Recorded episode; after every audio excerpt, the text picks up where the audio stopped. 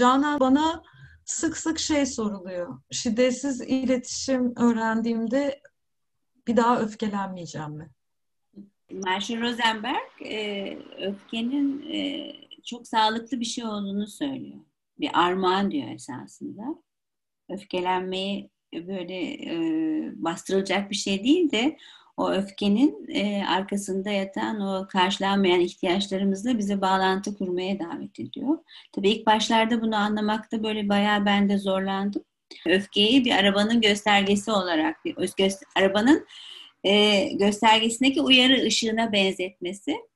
E, uyarı ışığı e, motorun neye ihtiyacı olduğunu e, ile ilgili bir yararlı bir bilgi veriyor. E, bunu saklamak ya da görmezden gelmek, e, o onunla bağlantıya geçmemek istemeyiz. Arabayı bir durdurup yavaşlatıp onun ne demek istediğiyle ilgili, e, neyi söylemeye çalıştığı ile ilgili motorda herhangi bir problem mi var? Onu anlamaya çalışırız benim arabada ışıklarla ilgili mesela öyle çok deneyim olmuştur. Işıkları görmediğim zamanlar olmuştur. Fark etmediğim zamanlar olmuştur.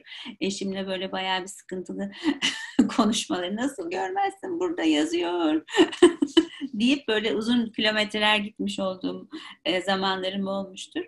O yüzden yani orada onu ışığı fark etmek, yani öfkeyi de fark etmek ve bunun ya benim ne ihtiyacım var veya karşı tarafın ne ihtiyacı var diye bakmak. Bana bu çok güzel böyle öfkeyi anlamamla ilgili e, bir örnektir. E, bilmiyorum bunları senin bildiğin şeyler ama bunları ilave etmek istediğin bir şey var mı?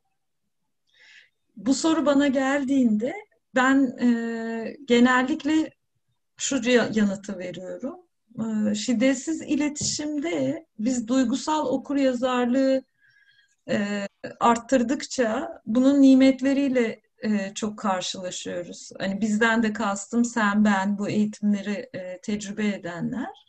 Ben de şöyle oldu. Ben ne kadar duygularımı fark ettiysem o kadar ihtiyaçlarımla buluşabiliyorum. Ee, en yani beni tavlayan tarafı şiddetsiz iletişim. Hiçbir duygu tabu değil hiçbir duygu izinsiz değil. Yani Mevlana'nın şiiri geliyor, misafirhane şiiri geliyor aklıma. Hani hangi duygu geldiyse geldi, öte yandan bana bir haber getirmek için geldi. Öfke de öyle. Öfke de e, geldi çünkü benim yanan bir takım ihtiyaçlarım var ki geldi. Şimdi konforsuz duyguları duymak adı üstünde konforsuz. Öfke de öyle. Bir de e, öfke e, kültürel anlamda e, pek çok yerde izin verilmeyen de bir duygu ya da e, cinsiyete göre izin verilen ya da işte hale duruma göre izinli öfke var, izinsiz öfke var. Haklı öfke var, haksız öfke var. Şimdi bütün bunları haklı, haksız, doğru, yanlışın ötesinde baktıysan şunu kabul etmek çok kıymetli. Öfkelendiysen öfkelendin. Bu öfkeyle ne yaptığın çok önemli. Yani öfkemi ne yapıyorum? Ben bir insanım, sıradan bir insan olarak öfkeleniyorum. Peki bu öfkeyle ne yapacağım? Şiddetsizlik yolculuğumda öfkem bana nasıl e, katkıda bulunabilir diye baktığımda işte senin söylediğin örnek benim duyduğum en güzel örnek. Arabanın ışıkları gibi bir uyarı olarak almak. Bir e, alarm gibi almak. Yani burada ciddi bir e, şey var benim kendimle bağlantıma zaman ayırmamı isteyen bir durum var. İhtiyaçlarımla bağlantı kurmak için. Uyan, uyan değil mi? Uyanma zili gibi. Yani bir dakika ya bir şey oluyor. Belki de hani şey, şiddet iletişimde yaptığımız şey gerçekten öfkelenince o derine dalabilmek. Yani öfkeliyken derine dalıp içine neler oluyor onu görme ihtiyacını anlayabilmek. Çünkü bazı yöntemler var. Marshall'ın da galiba bu yöntemlerle ilgili böyle endişeleri var. İşte e, ne bileyim yastık vurmak, yastığa böyle vurarak öfkeyi çıkartmak, yukarı doğru çıkartmak. Tamam çıksın öfke de o öfkeyle ne yapacaksın? Ama şiddetli iletişimde gerçekten kendinle bağlantıya geçtiğin zaman o öfkenin nedenini anladıktan sonra e, onunla ilgili o öfke belki üzüntüye yoğruluyor, belki hayal kırıklığına yoğruluyor, belki işte farklı düşün e, duygulara e, yoğruluyor. Hani onu harekete geçirmek. Çünkü öfkede böyle bir eyleme geçme şeysi suç Demin de senin dediğin gibi haklı haksız dan böyle cezalandırma yani bir şey öfkemizin cezalandırayım diye bir şey var. Ama üzüntüde e, ya evet böyle üzün, üzüntüye dönüştüğü zaman orada belki bir daha farklı bir e, zeminde buluşulabiliyor. Yani orada başka stratejiler olabiliyor gibi geliyor bana. Şimdi şeyi düşünüyorum aslında sadece öfke için değil bütün duygular için e, şiddetsiz iletişim yolculuğunda öğrendiğim benim duyguların içinde kaybolmamak. Yani duygu şiddetsiz iletişimin ikinci basamağı gözlemden sonra. Ben duygularımı duymak istiyorum çünkü duygular beni ihtiyaçlarımla buluşturuyor. Ben duygularımı hani yastığa vurayım sabaha kadar yastığa vursam bile öfkemi anlamak istememin nedeni yastığa vurmak değil ihtiyacımı bulmak. Bu öfke gibi yoğun duygularda ihtiyacıma giderken bazen zaman alabiliyor. Ama bu zamanı böyle hissediyorum peki neye ihtiyacım var diye kullanmak çok kıymetli. Sadece öfke için de değil, utanç için de böyle, suçluluk için de böyle, korku için de böyle. Ve öfke ikincil bir duygu. Yani e, ikincil duygu derken de genellikle bir buzdağının ucu. Buzdağının ucunda öfkeleniyoruz ama altında benim kendime baktığımda da gördüğüm mesela korku bende öfke yaratıyor. Eğer bir şeyden çok böyle korku, korkuyorsam, tedirginsem öfke patlatıyorum. Ee, yine aynı şekilde utanç öfke yapıyor, kızgınlık yapıyor. Utanmaktansa öfkelenmek daha kolay çünkü. Ee, üzüntü öfke yapıyor. Hayal kırıklığı. Şimdi bütün bunlar daha böyle baş etmesi zor duygular aslında. Çünkü öfkenin hani öfke baldan tatlıdır der ya büyüklerimiz. Öyle bir rahatlığı da var. Ben mesela seminerlerde şeyi fark ediyorum. Öfkeyle güçlü olmak da karıştırılıyor. Öfke böyle birden gelip insana böyle kendini ayakta tutan böyle dik bir şey verdiği için öfkelenmezsem gücümden olacağım gibi bir şey de geliyor insanlara. Öfkeme sahip çıkmak istiyorum diyor. Şimdi orada öfkenin güç olmadığını, öfkenin bir duygu olduğunu ayrıştırabilirsem gücümü elimde tutmak istiyorumun kararlılığıyla çok daha farklı eylemler yapabilirim. İyi alıp ihtiyaca tercüme etmek nasıl mümkün? O soruyu sormak çok kıymetli geliyor bana. Yani öfkeleneceğiz. Yani yani öfkelenmeyelim şiddetsiz iletişimde öyle bir şey yok. Senin de dediğin gibi duyguları dibine kadar yaşıyoruz ki duygular da bizi bir ihtiyacımıza e, götürüyor. Öfkede birazcık daha o ihtiyacın bulmakta zorlanıyor insan. Çünkü öyle bir tetik geliyor ki orada senin özlediğin şey çok derin bir şey olabiliyor. Yani orada belki e, bu çok güzel bir anahtar ayrım var. Tetikleyenle nedeni ayırmak. Yani or- orada gerçekten ya senin e, işte şey e, öfkenin nedeni ne acaba? Bazen ne bileyim e, trafikte giderken arkadaki bir araba dat dat yapar seni geçmeye çalışır. E, sen de böyle sinirlenirsin, öfkelenirsin, yol vermezsin. Çünkü orada senin e, ihtiyacın saygı, özen, güvenlik korkarsın yani kaza yapacağım diye korkarsın. E, Ama gene aynı şekilde başka bir gün arkandan e, bir ambulans gelir, düdük çalar hemen kenara çekilirsin. Yani aynı olaydır esasında. E, yani bu benim için mesela böyle örneklerle ben daha iyi anlayabiliyorum. Belki sende de vardır başka örnekler. Esasında bizi öfkelendiren şey insanların yaptıkları değil de bize yapılana gösterdiğimiz tepki. Ne ki tepki gösteriyoruz? Yani e, bu anahtar ayrımı senle radyoda da e, çalışmıştık. Senin burada tekrar söyleyelim senin web sitenden bizim bütün radyo programlarımıza ulaşabiliyorlar değil mi? Deniz böyle bir kolaylık var. Evet, radyonun linkine e, uzun süre e, ulaşamadı e, bizim dinleyicilerimiz. E, sıkıntı doğdu. Ben de onları senin de gönül rızanı alıp web siteme taşıdım. denizpatar.com'a.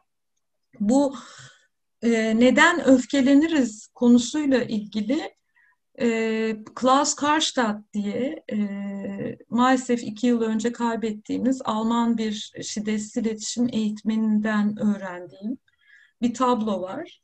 Aslında ben onun hiçbir eğitimine katılamadım ama tanışma imkanı buldum. Daha sonra öğrencilerinden ve özellikle de Stefan Zaybert'ten aldım. Onu göstereyim. Biraz onun üzerinden belki e, bu söylediklerimiz daha net gözükür.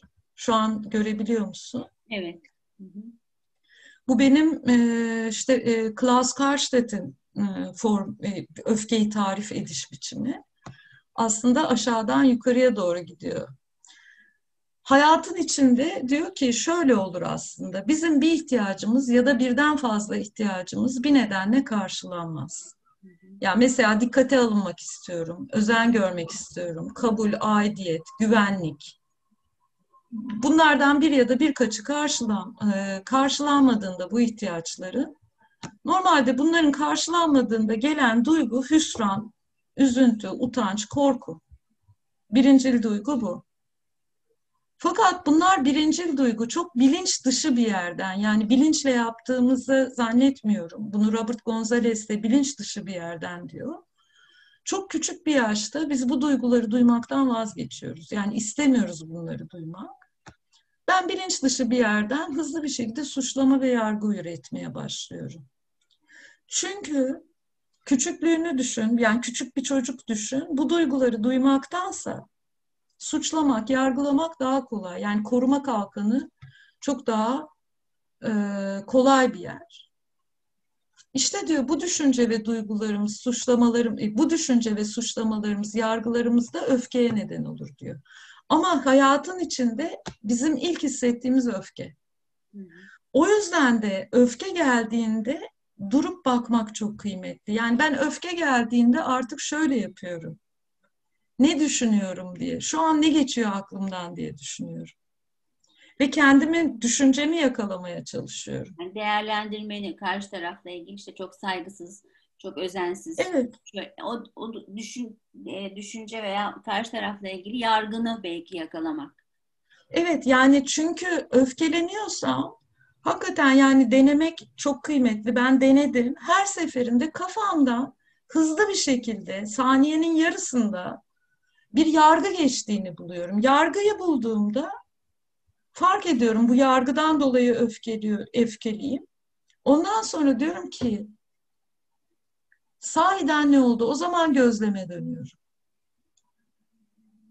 Ve ondan sonra izin veriyorum. Ben beden farkındalığım var. Bedenimle bağlantı kuruyorum. Yani ne oluyor bedenimde? Bedenle farkındalığı olmayan biri durup şeye bakabilir. Ne hissediyorum? Aa bu düşünceler çok güçlü bende. Böyle düşünüyorsam aslında ne oldu filan derken bu süreçte bir yerde gerçekten birincil duyguyu duymaya başlıyorum. Bu bazen korku oluyor. Yani korku çok dikkat et, yani çok farkındalık geliştirmek istediğim bir duygu. Çünkü mesela geçen sefer telaş konuştuğumuzda da telaşlı olmamın nedeni korkularım. Öfkeli olduğumda da bazen korkularım. Yani burada mesela dikkate alınmadığımı düşünüyorsam, yani dikkate alınma ihtiyacım karşılanmadı, öfkeleniyorum, saygısızlık bu diyorum. Ondan sonra kendime bir hikaye anlatıyorum şiddetsiz iletişim üzerinden, saygıya ihtiyacım var diye. Şiddetsiz iletişim grameriyle yaptığım yeni bir yargı. Halbuki saygıya da bakmak, yani aslında ne istiyorum? Ne olursa memnun olacağım, mutlu olacağım gibi bakmak lazım. Yani öfke gerçekten e, çok böyle dikkat koyup üzerinde e, ne oluyor, niye öfkeleniyorum diye bakmak istediğim bir yer. Bir de bu şeyden de söz etmek istiyorum Canan. Hmm. Bazen de öyle bir tetikleniyoruz ki mesela bu anda değilim ben artık. Hop uçtum okuldaki öğretmenime. Öfke geldi hop uçtum geçmişimde bir yere. Yani şu anla ilgili de olmayabilir. O yüzden öfkelendiğimde durup aklımdan geçen yargıya bakmak. O yargının yaşattığı duygulara bakmak. O duygularla hani duygu ve ihtiyaç arasında gidip gelmek, yoğrulmak biraz, demlenmek. E, yani senin de söylediğin gibi birinci şey galiba bu insanların e, yaptıklarına ilişkin değerlendirmemizi fark etmek. Yani bu, orada bir yargıyı falan fark etmek. Çünkü orada biraz zorlanıyoruz. Çünkü öyle bir şekilde yetiştirilmişiz ki hep karşı tarafı suçlamak, işte cezalandırmakla ilgili böyle bir eğitimimiz var. Yani kullanmak üzere eğitildiğimiz değil, e, kar, haklı haksız, doğru yanlış e, ekseninde olan bir yer. O, o, o tarz eğitilmişiz ve e, çizelgede de çok güzel gösteriyor. Yani ilk gelen o duyguları e, sorumluluğunu almıyoruz. o duyguların sanki sorumlusu biz değilmişiz gibi hep karşı tarafı suçlayarak o haksız ama o kadar haksız ki ama bu da yapılır mı? Çok saygısız işte deyip e, hemen karşı tarafa gittiğimiz bir yer. Burada bir yavaşlayıp gerçekten o öfkenin nedenini bulursak yani oradaki o tetik ve neden ayrımı ile ilgili bir anahtar ayrım var. Bir de gözlemle e, aynen senin dediğin gibi e, düşünceyle de gözlemi ayırmak. Yani ne oldu? Esas şu anda olan ne? Bizim e, öfkelendiğimizde hemen gittiğimiz yer o şeyle ilgili olan hop bir düşünce, bir yargı. Halbuki bir dakika ya olan ne dediğimizde de zaten orada da bir rahatlama oluyor. İnsan orada da kendinle ilgili sanki böyle bir keşif. Ay evet ya esasında benim çok saygıya ihtiyacım var. O zaman o öfke bastırılmıyor ihtiyaca hizmet eden bir duygu oluyor. Marshall bunu çok güzel söylüyor. İhtiyaca hizmet eden bir duygu. Emotion yani onun da açıklaması şöyle e, şöyle diye hatırlıyorum. Yani motion bir hareket var, bir eylem var. Ama öf, üzüntü öyle bir şey. Öfkenin de şeyini bulduktan sonra o altındaki yatan öbür duygulara gittiğin zaman evet harekete geçebilirim. Benim saygıya ihtiyacım var. İşte ne bileyim ben kapıyı e, kapıyı vurmadan e, giren birisi mesela ona bir sin, öfkelenirsin, şey yaparsın. Belki ona daha farklı bir şey söyleyebilirsin. Yani saygısız yerine ya kapıyı e, içeri gelmeden önce kapıyı üç kere vurur musun diyebilirsin. Yani hani oradan başka ricalara da gidilebilir. Hani öfkenin içinde böyle e, bunalıp iyice fıkır fıkır fıkır fıkır kaynamadan e, başka bir duyguya dönüşmek, bunu üzüntü olabilir. Kendi, ondan sonra da kendimizi ifade etmek belki. Onunla ilgili öfkeyi nasıl dönüştürmekle ilgili diye sorarsak. Bir de ben burada sen konuşurken şöyle e, bir şey geldi aklıma. Öfkeden vazgeçmek de gerekmiyor. Evet. Yani şimdi şiddetsiz iletişim yolculuğu e, yaparken her ne geliyorsa önce bir o olan hali kabul etmek, kendini kabul çok kıymetli. Yani şimdi öfkelendiysem de öfkelendim. Öfke illa dönüşecek, illa içindeki e, ikincil duyguyu bulmam lazım diye yeni bir melimalı yaratsın istemiyorum. O yüzden de e, ben şeyi farkındalığı çok önemli geliyor. Öfkelendiğimin kabulü. Mesela bunu niye söylüyorum biliyor musun? Ben çok uzun süre öfkelendiğimi e, öfkelendiğim zaman kabul edemedim, üzül, üzülüyorum dedim. Ve bunun bilincinde değildim. Sonra öfkeme izin verdiğimde bambaşka bir yere gitti. Çünkü e, kendimi manipüle ediyordum. Yani öfkeleniyorum aslında, ay üzülüyorum diyorum. Yani Bu da çok kültürel, kız çocuk oldu. Ha? Öfkelenmekten utanıyorum gibi bir yer mi orası? izinli değildi ben çocukken. Yani öfkelenmem benim izin verilen bir duygu değildi aile içinde. Üzülebiliyordum ama. O yüzden ben keşfettim öfkemi. Şimdi öfkeye e, öfkeye izin vermek çok kıymetli ama öfkenin bana bilinç dışı bilincimin tam açık olmadığı yerde yaptırdığı eylemleri yapmak istemiyorum ben. Kendi merkezimden eylem yapmak istiyorum. O yüzden de Önce bir öfkelendiğimi kabul edeyim. Öfkelendiğimde işte demin e, gösterdiğimiz gibi belki işe yarar diye onlar. Ee, bir bakayım yargılarım ne? Yargılarımın dönüşmesi de zaman alabilir.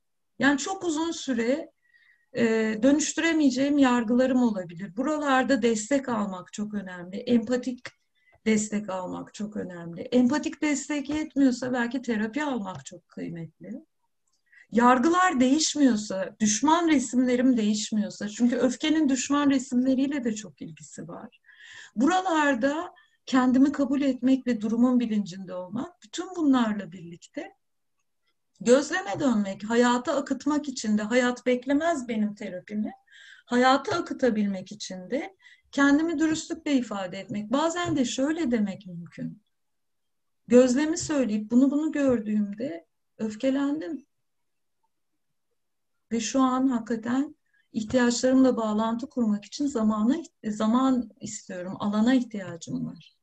Yani öfke, Gel bunu sonra konuşalım demek. Yani öfkenin e, yani daha çok medyada gördüğümüz şey işte öfkeden kurtulmanın yolları, öfkeyle baş etmenin yolları, şunlar bunlar dediğinde ben birazcık rahatsız oluyorum. Ee, öfke senin benim bir duygum ya. Teşekkür ederim. İyi ki varsın yani. O da bana bir takım ihtiyaçlarımın karşılanmadığını gösteriyor. Yani buradan devam edilirse gerçekten istiyorsan o öfkeyi dönüştür dönüştürmeye ama oradan devam ediyorsan bir yere varıyorsun zaten. Yol haritası gibi. Ya ben buradayım. Bir takım ihtiyaçlarım karşılanmadı. Onun için sana bir kırmızı bayrak sağlıyorum gibi onu görmek. Ee, öfke bir armağandırı altını tekrar çizmek isterim. Ya bir de ben hakikaten çok iyi oldu şey söylediğim. Yani öfkeyi kontrol etmek, öfke yönetimi falan gibi şeyler var. Mesela şiddetsiz iletişimde bana soruyorlar öfke kontrolü için ne yapabiliriz diye. Ben öfkeyi kontrol etmemek mümkün mü diye soruyorum. Yani kontrolle falan yani şiddetsiz iletişimin kontrolle ve yönetmekle falan ilgisi yok. Benim bütün yolculuğum fark etmek mevcut duyguları fark edip bunları ihtiyaçlara tercüme etmek, ihtiyaçları fark ettiğimde de gidip mojito içmek yerine hani ah ne güzel ihtiyaçları buldum yerine peki hayatı zenginleştirecek bir adım atsam ne yaparım diye bakmak, eyleme geçmek. O yüzden öfkeyle de e, benim ilişkilenmem fark etme yolculuğu. Aa öfkelendim. Yargım ne? Ne düşünüyorum? Peki ne hissediyorum? Ondan sonra da hala öfke dönüşmediğinde kendimi ifade etmek öfkelendim çünkü mesela ben bir şeyi anlamadığımda çok öfkeleniyorum. Mesela çok basit bir şeyden söz edeyim. Ee, mesela diyelim ki e, bir yeni oldu işte bilgisayarda bir program kurmaya çalışıyoruz. Ben bir türlü anlamıyorum ne yapmak istediğimi. Böyle Yükseldi, yükseldi, yükseldi. Burama geldi. Call center arıyorum. Ya bayağı sinirlenmeye başladım. Anlamakta zorlanıyorum çünkü. En son dedim ki ya ben hakikaten sınırıma geldim. Yani çok zor durumdayım. Yani kızmaya falan da başladım. Anlamama yardımcı olur musunuz? Yani illa orada öfkeyi dönüştürmekle de uğraşmadım. Hani uygun bir şekilde kendimi ifade etmeye çalıştım ve bana da yardım ettiler biliyor musun? Uzaktan bilgisayarıma girip yardım ettiler. Sonra tam bütün bunlar olurken şeyi söyleyebildim. Öfke değildi aslında birinci duygum tabii ki. Çaresizlik içindeydim. Yani mesela çaresizlik çekiyorum. Zorlanıyorum. Anlamıyorum dediğim yer çok kıymetli. Böyle bir yolculuk. Öfkeyi bastırmayalım diyorum ben de kapatırken. Yani öfkeyi bastırmayalım ama öfkeyi alıp ne yaptığımız çok kıymetli. Yani öfkeyi alıp da başkalarının üzerine çöp boşaltır gibi boşaltmaktansa öfkemi kendi sorumluluğuma alıp, kendi duygularımın sorumluluğunu alıp, kendi ihtiyaçlarıma ulaşmak için bir e, yolculuk yapmak kıymetli geliyor bana. Evet, kendi evimizde bir ağırlayıp ondan sonra duruma bakmak. Pekala, hoşça kal. Hoşça kal.